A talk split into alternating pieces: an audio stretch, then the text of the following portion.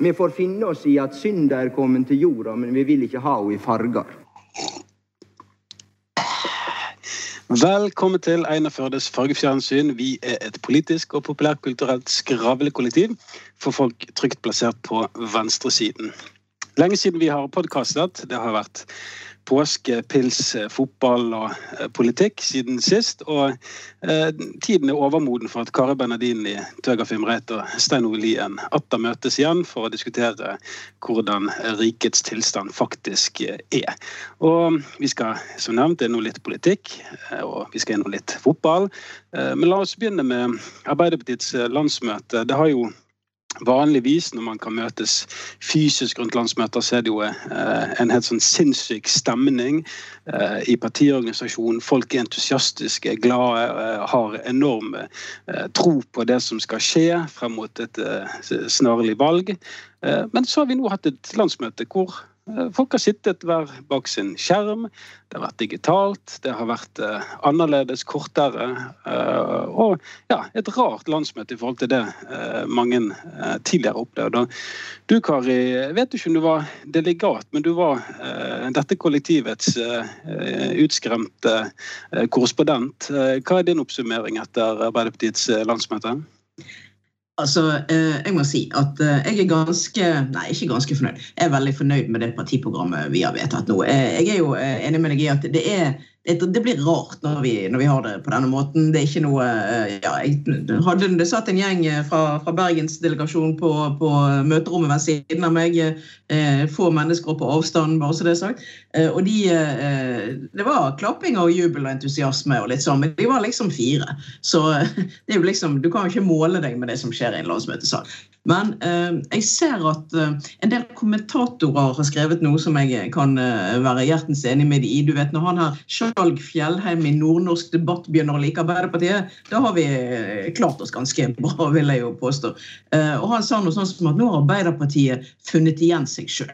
Nå har de funnet igjen sjelen, de har funnet igjen røttene sine. Eh, og de har gjort det de har glemt i noen år. De har gått ut og snakket med helt vanlige folk. De har snakket med arbeidere på Raufoss og sykepleiere i Kristiansand. jeg vet ikke hva. Og det var jaggu meg ikke et øyeblikk for tidlig. Denne valgkampen opplever vi at fagbevegelsen står mye tettere på Arbeiderpartiet enn det de har gjort før.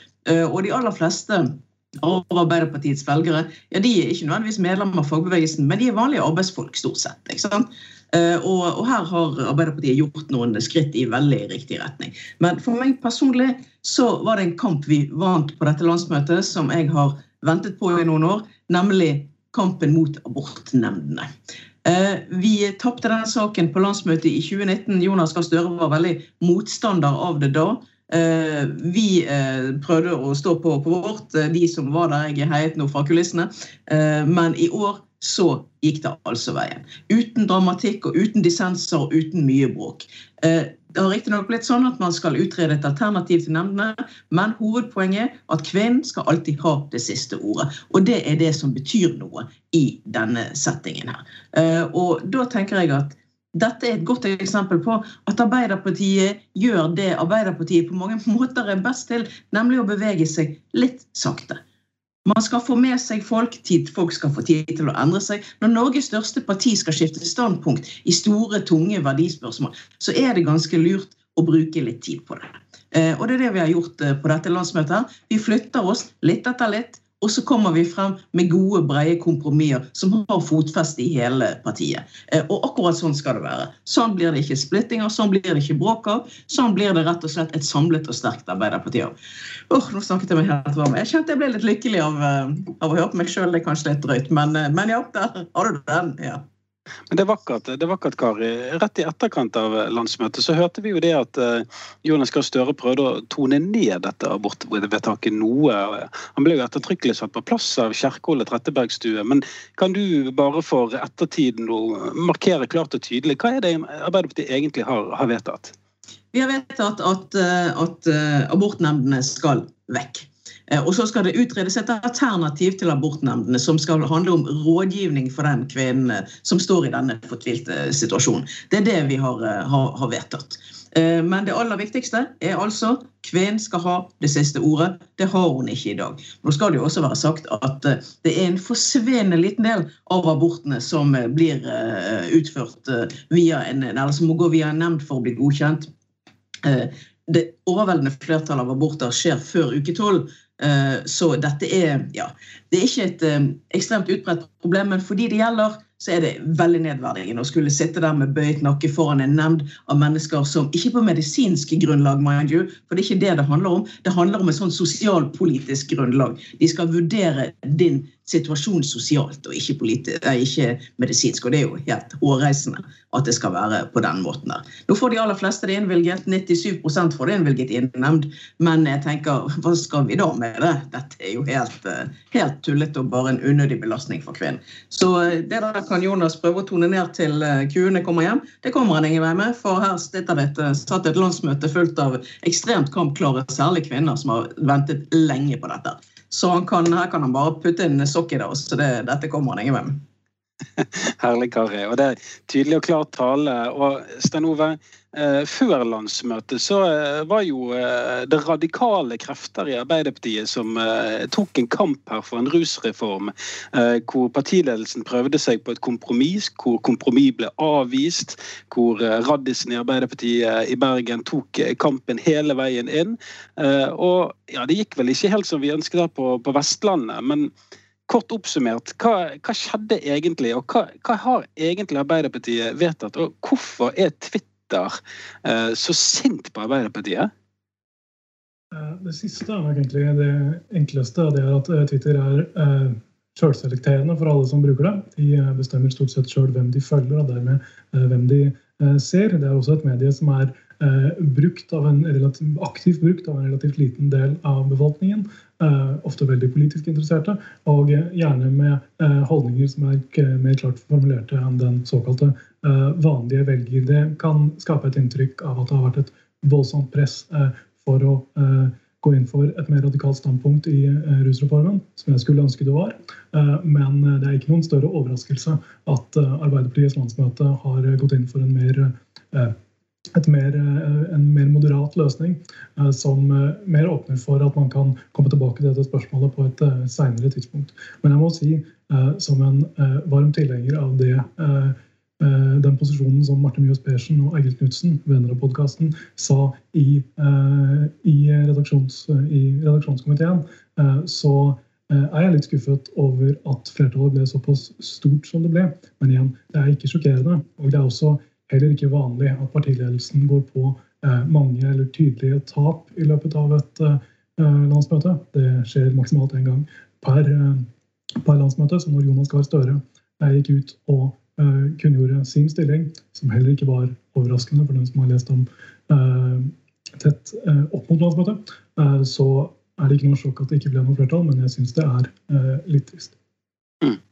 Men jeg tenker jo at det er jo en mulighet her for at uh, vi allerede på neste landsmøte uh, kanskje har sett en utvikling fra, fra dette landsmøtet til, til, neste. For det er jo ofte sånn at Arbeiderpartiet trenger litt betenkningstid. Uh, og det vil så klart være veldig dumt for de menneskeskjebnene som, som kunne ha godt av en reformasjon av rusreformen allerede nå. Men, men, jeg har en ganske sterk magefølelse på at man, hvis man fortsetter å jobbe like godt som man har gjort nå, så, så kan vi forhåpentligvis kanskje se en uh, endring om, om, to år. Og da, da, tenker jeg at da må det være kunnskapsbasert, det må være forskningsbasert. og Der syns jeg at radisene fra Bergen og Vestlandet definitivt ledet det an på en veldig veldig god og klok eh, måte, og uh, har stor tilslutning fra et egentlig ganske sånn bredt politisk miljø på at, på at det var riktig. da. Og så er det jo synd, tenker jeg, da, sant? at, at det er Høyre i regjering som ledet an dette her. For det er helt opplagt at en så viktig velferdsreform burde det vært Arbeiderpartiet som, som satt eh, med hånden på rattet. Og ja, kanskje et godt argument for eh, at vi må inn i en ny rød-grønn regjering uh, for å um, gi det et nytt uh, forsøk. Eller hva tenker du, Sten Ove?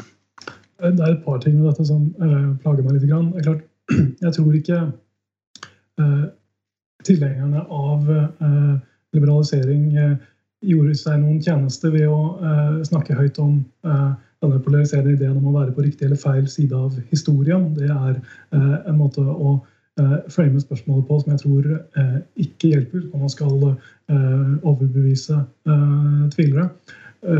Heller ikke eh, det som noen har forsøkt seg med på begge sider, eh, særlig på motstandersiden, selvfølgelig, med å klistre dette til venstre som om det i seg sjøl er noe galt. Jeg har mange ting å utsette på venstre. Veldig mange ting å utsette på venstre.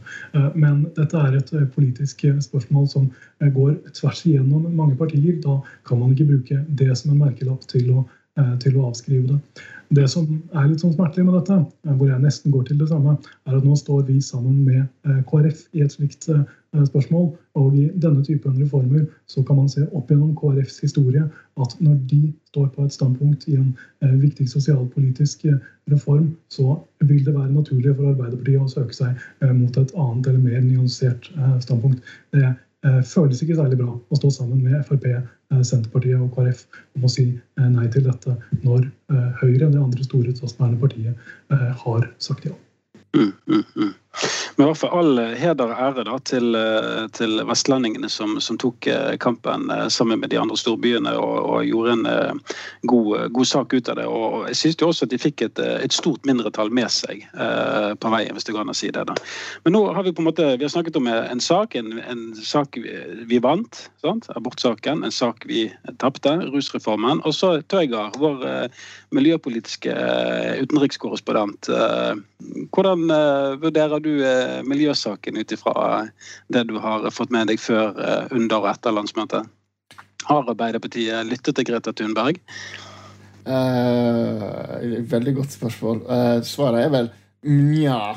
Uh, det er jeg kan jo kanskje ta det positive først. Altså, det er jo fått til et ganske bra kompromiss eh, innenfor miljøspørsmålet. En skal gå over til å, å, mer grønn industri. En skal gå over på overgang. En har fått med seg hele arbeiderbevegelsen. altså Står bak det kompromisset. Sånn at vi har faktisk et moment innad i vårt eget parti. Vi står ikke splitta lenger, vi, vi står eh, felles. Og der, der, kan vi ha et felles moment mot å begynne endringer. Eh, så, men, så jeg, jeg, er jo opptatt av miljøvern, så, så syns jeg at det er jo litt smålåter, og det kommer veldig seint. Men uh, det er veldig bra at det har kommet på plass, og at, uh, at, vi, er, at vi, er, på vei dit vi er. Og Så håper jeg at vi, at vi kan ta det enda lenger ved neste landsmøte. At vi kan, kan begynne å faktisk snakke om og, i realiteten fase ut oljeproduksjon, stoppe leiting, og at vi kan, kan gå mer inn på altså, gjør de nødvendige grepa som, som, må til for i hele tatt komme i mål med, med noe som ligner på på en bærekraftig miljøpolitikk. Men eh, veldig bra. Eh, godt første steg. Eh, vi er på vei. Hurra. det var en uh, litt forsiktig hurra, dette, Tveigar, men det, det, er greit. Men hva tenker du, Kari? Eh, vi, uh, vi, merker jo litt nå i, i det indre livet i Arbeiderpartiet, så merker vi jo litt at det, når det f.eks. gjelder Miljøpartiet De Grønne, så merker man at Miljøpartiet De Grønne prøver å skvise Arbeiderpartiet litt inn i et hjørne. Vi merker at eh, Arbeiderpartiets medlemmer reagerer ganske negativt på det. Eh, det er ganske sterke krefter nå på, på at eh, man ønsker å ha Miljøpartiet De Grønne på en armlengdes avstand. Og, og, og, så har vi fagbevegelser som har veldig sterke forventninger til at Arbeiderpartiet evner å snakke industri og miljøet i samme åndedrag, og, og oppriktig mener det Tenker du at fagbevegelsen er fornøyd med det som skjedde på landsmøtet? Ja, vet du, Sånn som jeg har eh, oppfattet det i, eh, i, i baklandet i, i, fagbevegelsen, så er man eh, riktig godt fornøyd med dette. her. Fordi Det er ikke til å stikke under en stol at i særlig enkelte deler av, uh, av fagbevegelsen så er MDG et skjellsord. Eh, der er det, det, virkelig De kan ikke utstå MDG. Eh, de, gjør, de slår vitser på MDGs bekostning eh, så snart de kan. oss. Det er vitser om hvordan de dropper pinnekjøttet og spiser juletreet. og ja, de, de, slår seg ordentlig løs på MDG sin, sin regning.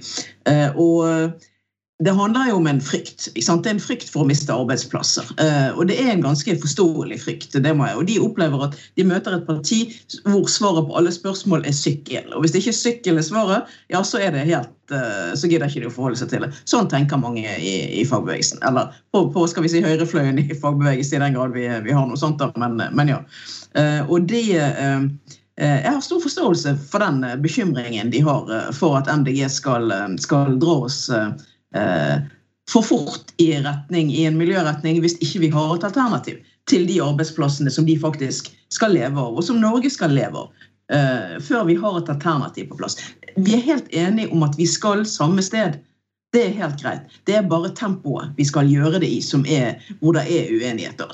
Uh, og nå er det blitt sånn at AUF og Fellesforbundet, som ofte er de som er, ja, som er det, den tyngste eh, industriforbundet vi har i, i, i LO, eh, de er nå på linje.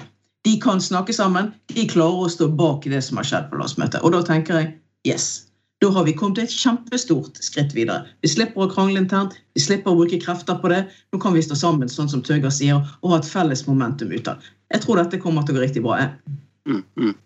Men Tvegar, eh, har du eh, begynt å forberede deg på, på, en ny tid hvor du må sykle på motorveien til Eidsvåg og spise nøttesteik på julaften, eller? Eh, ja, altså, jeg, jeg, vi har jo vært for, litt forut for vår tid, for vi har da kjøpt et hus som er bygd ganske godt over havnivået. Men det var kanskje ikke det som var spørsmålet. Ja, det er fint. det er fint. Nei, men jeg tenker uh, Dette var, det var grei oppsummering av landsmøtets uh, hovedpunkter og ytterpunkter. Jeg, jeg må jo si uh, vi, vi, har jo i en tidligere podkast vært litt kritiske til at det som var utkast til et partiprogram, var ganske sånn omfangsrikt. og Det var en hilsen hjem til hver eneste kommune, og det var litt ostehøveleffekten. Jeg synes det ser litt tendenser til det også nå i det som ble vedtatt. og så ser jeg også tendenser til et parti som forbereder seg på at man skal inn i regjering, og at man da blir ganske sånn uklar og nøytral, ganske sånn rund i en del vendinger. Da.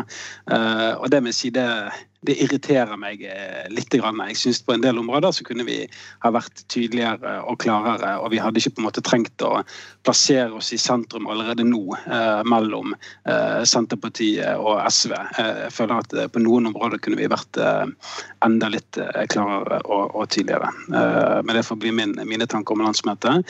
det har jo vært en annen ting eh, som har skjedd eh, nå nylig etter landsmøtet i Arbeiderpartiet, og ikke pga. landsmøtet i Arbeiderpartiet, men eh, innenfor fotballverden eh, så ser vi jo at eh, den moderne utviklingen har kommet til fotball hvor eh, de rike skal bli rikere, og hvor de viser til Ronald Reagans eh, trickle down-effekt, hvor mer penger til de som allerede har mest, tydeligvis har vært noe som enkelte har trodd var løsningen for å redde en samlet fotballverden.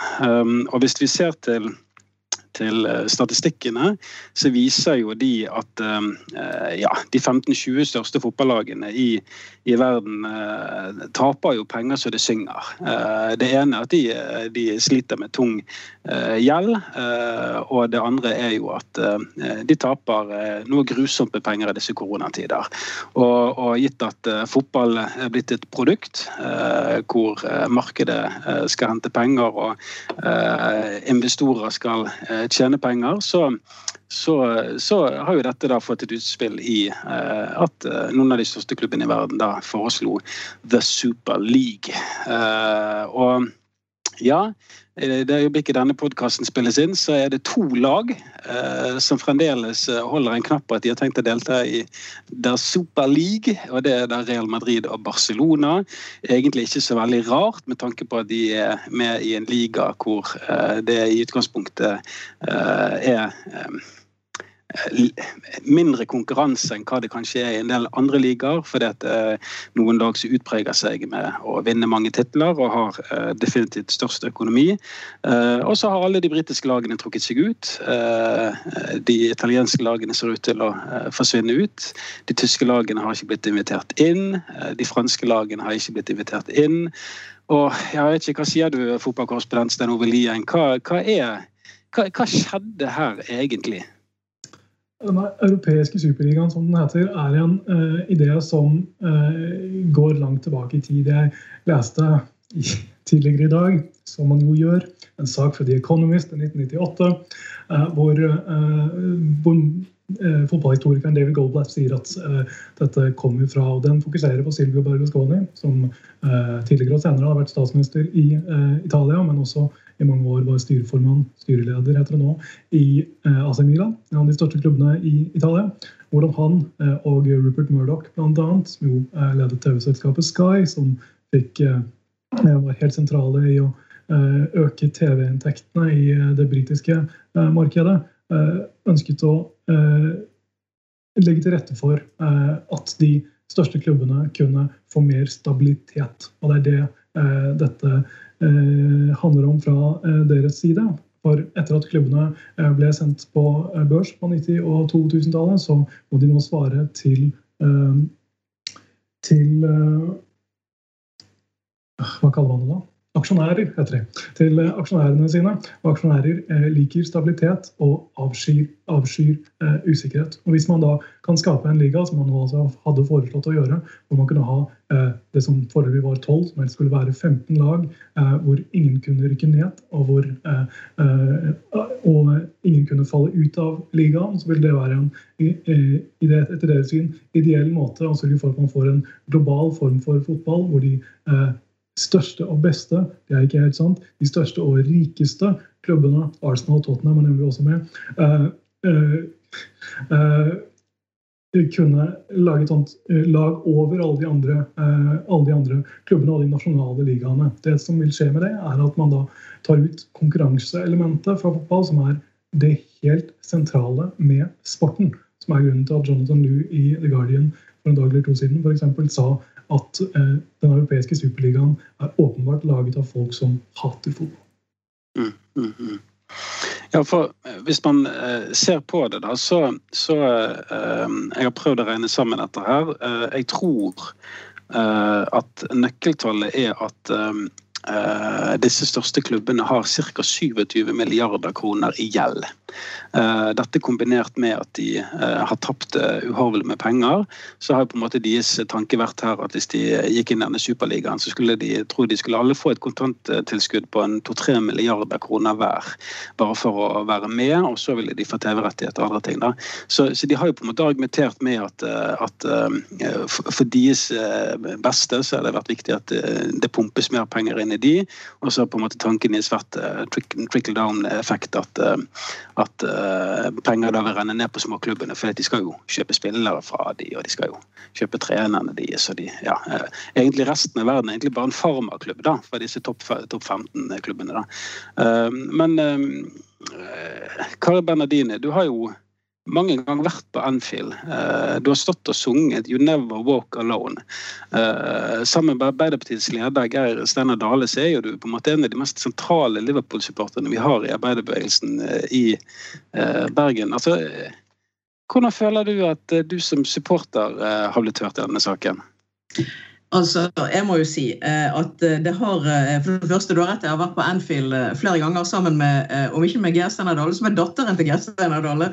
Vi har holdt oss i, i familien Dale på, på, på, dette her. Og det er få følelser i verden som kan måle seg med det å stå på The Cup på, på Anfield oppunder taket der eh, og føler at det formelig løfter seg over hodet på deg når de drar til med You Never Walk Alone. Det er gåsehudfaktor så det holder.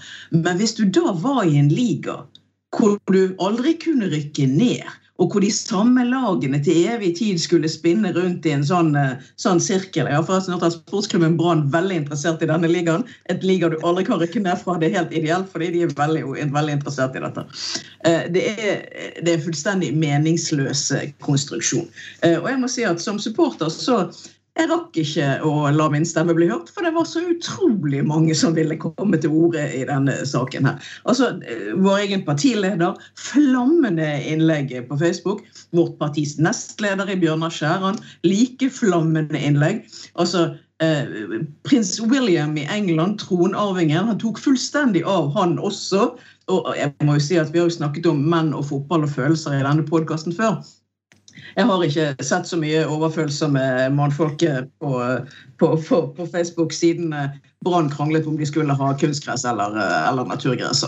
Det er, som sagt, som singel kvinne jeg leter alltid etter eh, pasjon hos, hos ja, menn. Og det er dette ser ut til å være det eneste stedet man de evner. Jeg tror egentlig fotball er en slags, en slags konstruksjon for at menn kan vise følelser. Jeg tror det er det bottom line fotball egentlig handler om. Og når de da på en måte blir fratatt litt av elementet i det som de ble med denne superligaen, som de oppfattet at handlet om penger, og da ble de rasende. For det handler ikke om penger, det handler om menns følelser. Det skal vi aldri glemme i fotball. Klart tale, Kari. Jeg må jo si for min egen del jeg, jeg har en tendens eh, til at jeg, jeg klarer ikke å sove tidlig på, på nettene. Så jeg, så jeg, var jo så klart våken når eh, disse klubbene kom med eh, sin klubbstatement, pressemeldinger om at de skulle danne The Super League. Og Jeg ble så jævlig forbanna. Jeg slettet Manchester United-appen på telefonen. Jeg meldte meg ut av supporterklubben. Og jeg allerede har på en måte begynt å tenke på at skal jeg egentlig herfra ut egentlig bare heier på Sunderland. Uh, fordi at uh, de har på en måte bare De ligger liksom på nivå tre i engelsk fotball. og det er uh, ingen håp om at det kommer til å gå deres vei de neste ti årene. Sant? Sånn at jeg liksom vurderte på om jeg bare skulle manifestere og bare forlate det, eller rett og slett bare gå over til det lokale, det nære. da, Og bare forholde meg til Brann. Sant? Og, bare dyrke lokalklubben min, som jeg uansett alltid følger. Men på en måte bare gi faen i internasjonal fotball. Men nå nå virker det som folk på en måte litt sånn der at å ja, nei, men nå er jo alt greit. sant? Noen av klubbene har sagt unnskyldning, og det er kommet ut uh, nye pressemeldinger hvor de på en måte forklarer at de har prøvd å lytte til resten av verdens uh, og at uh, de har funnet ut at dette ikke var en så jævla god idé. Um, men, men, jeg har nå tenkt så Altså, jeg skal fortsette å heie på, på klubben, eh, Manchester United, men ikke faen om de skal få slippe billig unna. Eh, det sviket de gjorde mot eh, fansen og mot resten av fotballverdenen. Altså det, det, kommer de til alltid, for evig og alltid holde, holde mot det. Men Tøyger, du er jo dønn ærlig på at fotball, det det gir du egentlig blanke faen i. men når du ser på en måte engasjementet i denne saken her, sant? du, du, du er i hvert fall der at du tenker at arbeidernes rettigheter i Qatar det kunne jo kanskje vært noe som resten av fotballverdenen kunne engasjert seg i. Når vi klarer å velte Superleague på kortere tid enn uh, Britney Spears uh, bryllup, altså, tror du at uh, det er potensial for at vi også kan velte fotball-VM i Qatar?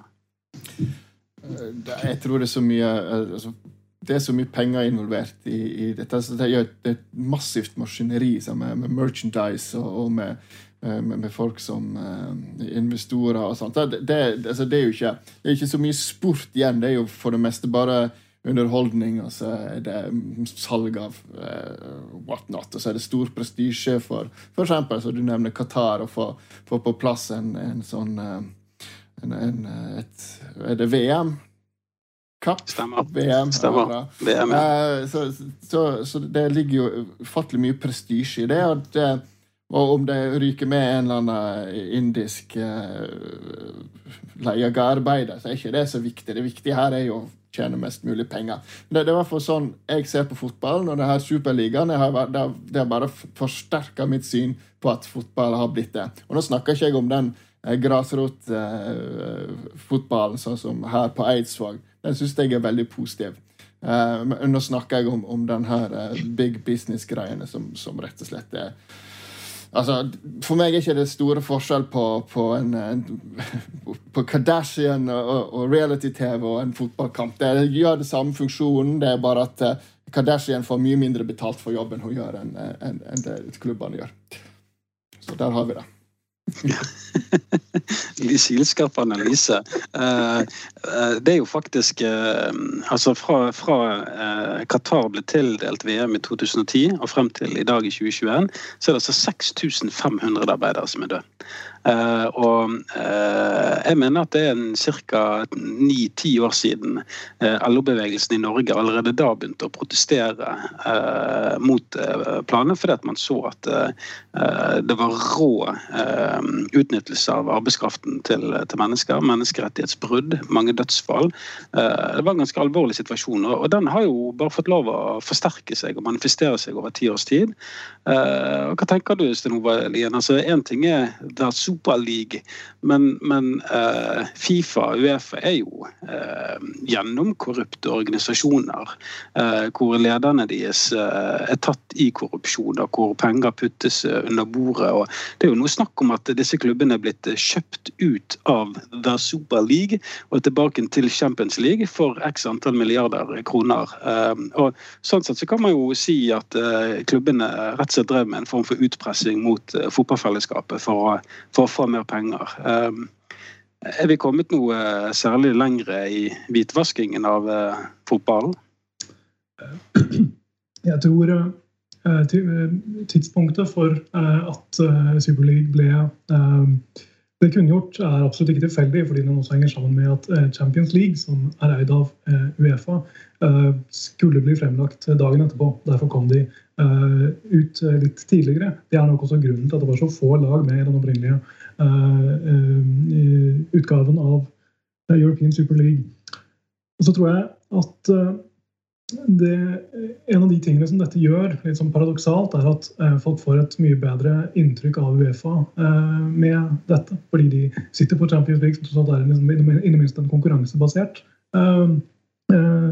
turnering. og det har de jo ikke fortjent. Altså, Uefa, og spesielt Fifa, er bånn korrupte og har vært det i årevis, man skal ikke grave langt, men det er mange som har gjort det, eh, for å finne ut eh, hvor eh, ille det står til med demokratiet i de store sånn, overnasjonale fotballinstitusjonene. Men de har jo, alt, de har sånn sett hatt alt å tjene på disse 48 timene hvor, klubben, hvor disse klubbene har gjort dem en bjørnetjeneste. Så må jeg si en ting til, og det handler jo om den sånn arbeiderklasse-etosen som en del av disse spesielt engelske eh, klubbene har. Det er i hvert fall det jeg kjenner best. Eh, klubbene i Manchester, eh, Liverpool og, eh, og, de andre. Eh, Liverpool, som er den klubben jeg kjenner best av naturlige årsaker, har jo eh, i veldig mange år definert seg sjøl som en slags en, en sosialistisk institusjon basert på noen sentrale trenere og nøkkelpersonale opp gjennom årene. Spesielt Bill Shankly, som var en legendarisk trener. Jeg lette et intervju med Peter Moore, som var styreleder i Liverpool i 2019. Han er ikke det nå lenger. som snakket om en kampanje som Liverpool hadde den sesongen de omsider vant serien etter ganske mange år, eh, hvor man brukte slagordet 'This means more'. Og da tenkte han ikke på etternavnet sitt.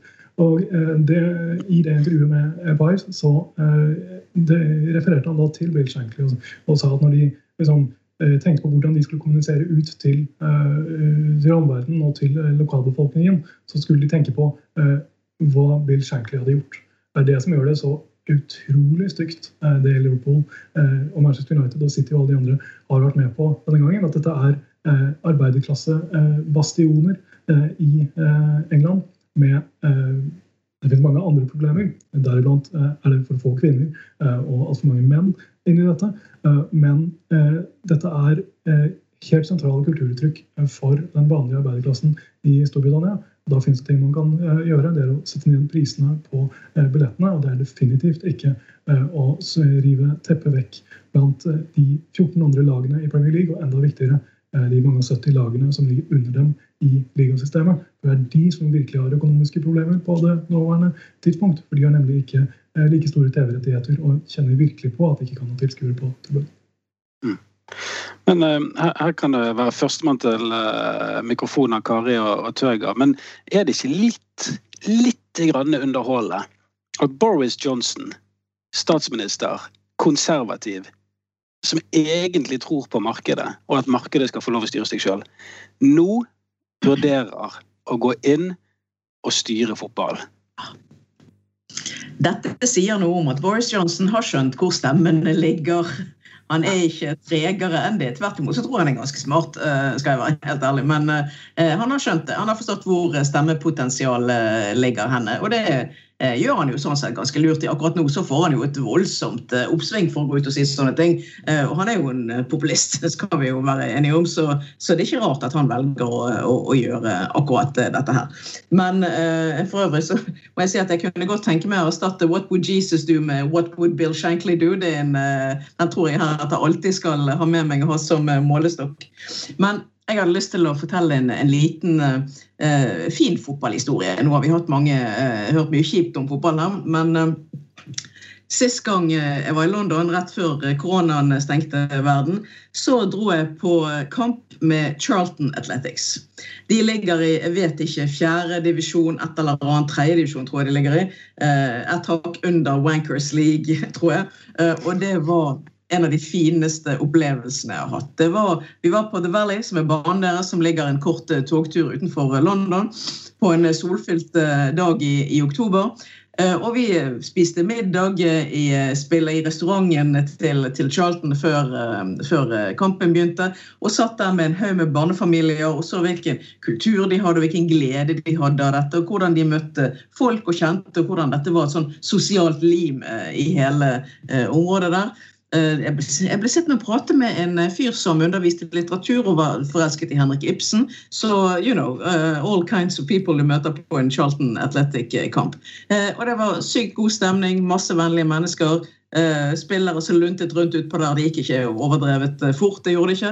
Men eh, det var en fantastisk fin, varm og god fotballopplevelse.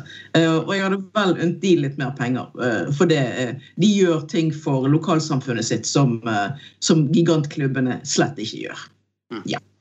Når vi er inne på gode fortellinger, da, så må jeg må fortelle en historie fra en av mine sydenturer før korona for mange år, siden. Eh, jeg har helt siden jeg var ganske ung samlet på fotballdrakter. Uh, hjertet mitt har alltid vært i Manchester United, men jeg, men jeg har alltid samlet på fotballdrakter, og spesielt stilige fotballdrakter. Og så har jeg likt å gå med forskjellige typer fotballdrakter, fordi at uh, jeg har vært stolt av, av, samlingen min. Så det vil si at jeg har f.eks. Stolt gått rundt med en Blackburn-drakt, fordi at Blackburn har en rose i logoen sin, og jeg syns det har vært en fin drakt. Og Drakten jeg har, er fra når Blackburn vant uh, Premier League i sin tid. Egentlig helt uh, utrolig nok, da, med, med, Henning Berg på laget. og, og Ellen Scherer som, som spisser. ja, med mer, med mer. Men en gang da jeg da gikk, og, uh, gikk på promenaden i Syden uh, med en av mine Blackburn-drakter, så kom det en gæren brite løpende mot meg. Og, og, han sa etter han can I, can I kiss you? Og jeg bare Nei, nei, nei, nei, nei, du kan ikke kysse meg, liksom. Da. Og så, så sier han Can I kiss your badge? Kan de kysse logoen. sant? For det var han Blackburn-supporter som ikke turde å gå rundt med Blackburn-drakt eh, i Sydenland. For det at laget var jo helt ute å kjøre økonomisk eh, og fotballmessig. Så eh, han mente jo at jeg var en av de modigste personene på hele jordkloden som turde å gå rundt med eh, en Blackburn-drakt eh, i Sydenland, eh, i tjukkeste britiske Sydenland. sant? Og, og, siden den gang så har jeg faktisk ikke turt å gå med den, med den Blackburn-drakten fordi jeg har vært redd for å ja, for å møte på gærne briter som har lyst til å kysse brystet mitt. Men, men Tøygard, eh, hvordan kan, kan, kan, vi vanlige mennesker eh, dempe ned dette helvete hvor man putter Brann-logoen på ostepop, på tannbørster, på brød? Eh, på barberskum, på skinkepakning. Altså, det finnes nesten ikke måter for hva en logo fra et fotballag kan puttes på for uh, å selge produktet.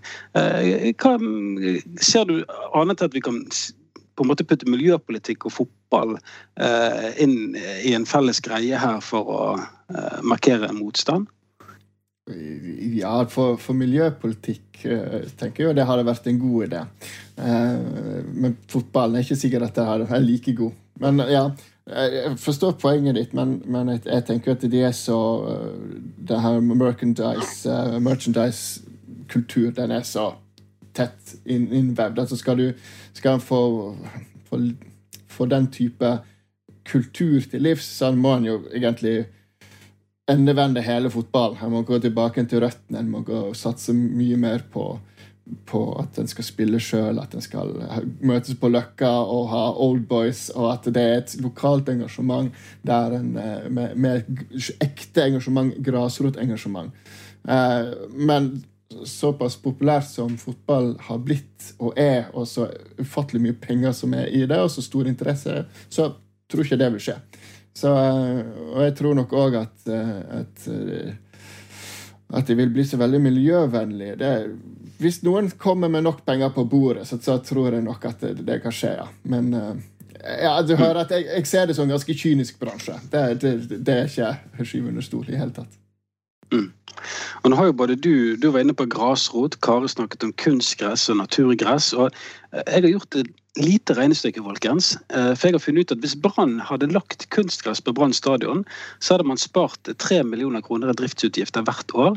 Så hvis Brann da hadde spart eh, 3 millioner eh, over 10 år, så ville det blitt 30 millioner. Over 100 år så ville det blitt 300 millioner. Og hvis Brann da hadde spart i 300 år, så kunne de kjøpt Messi. Eh, og da tenker jeg ja. Og den, altså den ideen må du faktisk pitche til noen. altså Det, det der er for godt til, å, til at det, Vi kan ikke bare la det der gå forbi. Et søt du skal ringe hun her Vibeke something, something, som er styreleder i Brann, og forklare henne hvordan dette henger sammen. Vis regnestykket ditt, Pål. Det, det går ikke an å si nei. Altså Det er ikke uten grunn at jeg har aktivisert mitt medlemskap i sportsklubben Brann. Eh, det er jo tross alt et år til neste årsmøte, så jeg regner med at, eh, at det er muligheter å, å komme med forslag, eh, forslag der. Eh, greit. Vi har diskutert eh, Arbeiderpartiets landsmøte. Vi har eh, evaluert og trakassert The Super League. og det er tid for anbefalinger. Men, men Kari, har du noen apper du vil anbefale? Nei, men eh, jeg, eh, jeg har en TV-serie jeg vil anbefale. Det, jeg har registrert etter hvert at mine anbefalinger bærer preg av at jeg har tilgang til, til HBO, Netflix og NRK. Det er liksom innenfor det spekteret mine anbefalinger ligger. Men eh, et språk jeg ikke syns jeg hører ofte nok på TV, det er tysk. Jeg liker tysk veldig godt. Jeg syns det er et vakkert språk. Eh, og så er det en forfriskende forandring fra alt det engelskspråklige og ikke minst det amerikanske. Eh, ørene mine har godt av å høre på det. Jeg liker å høre på det. Ehm, og eh, da slukte jeg bl.a. Babylon Berlin precisely for den, av den årsak. Eh, men nå ligger det en ny tysk serie ute på NRK. Den heter Weissensee. Og den foregår i helt på slutten av DDR-regimet.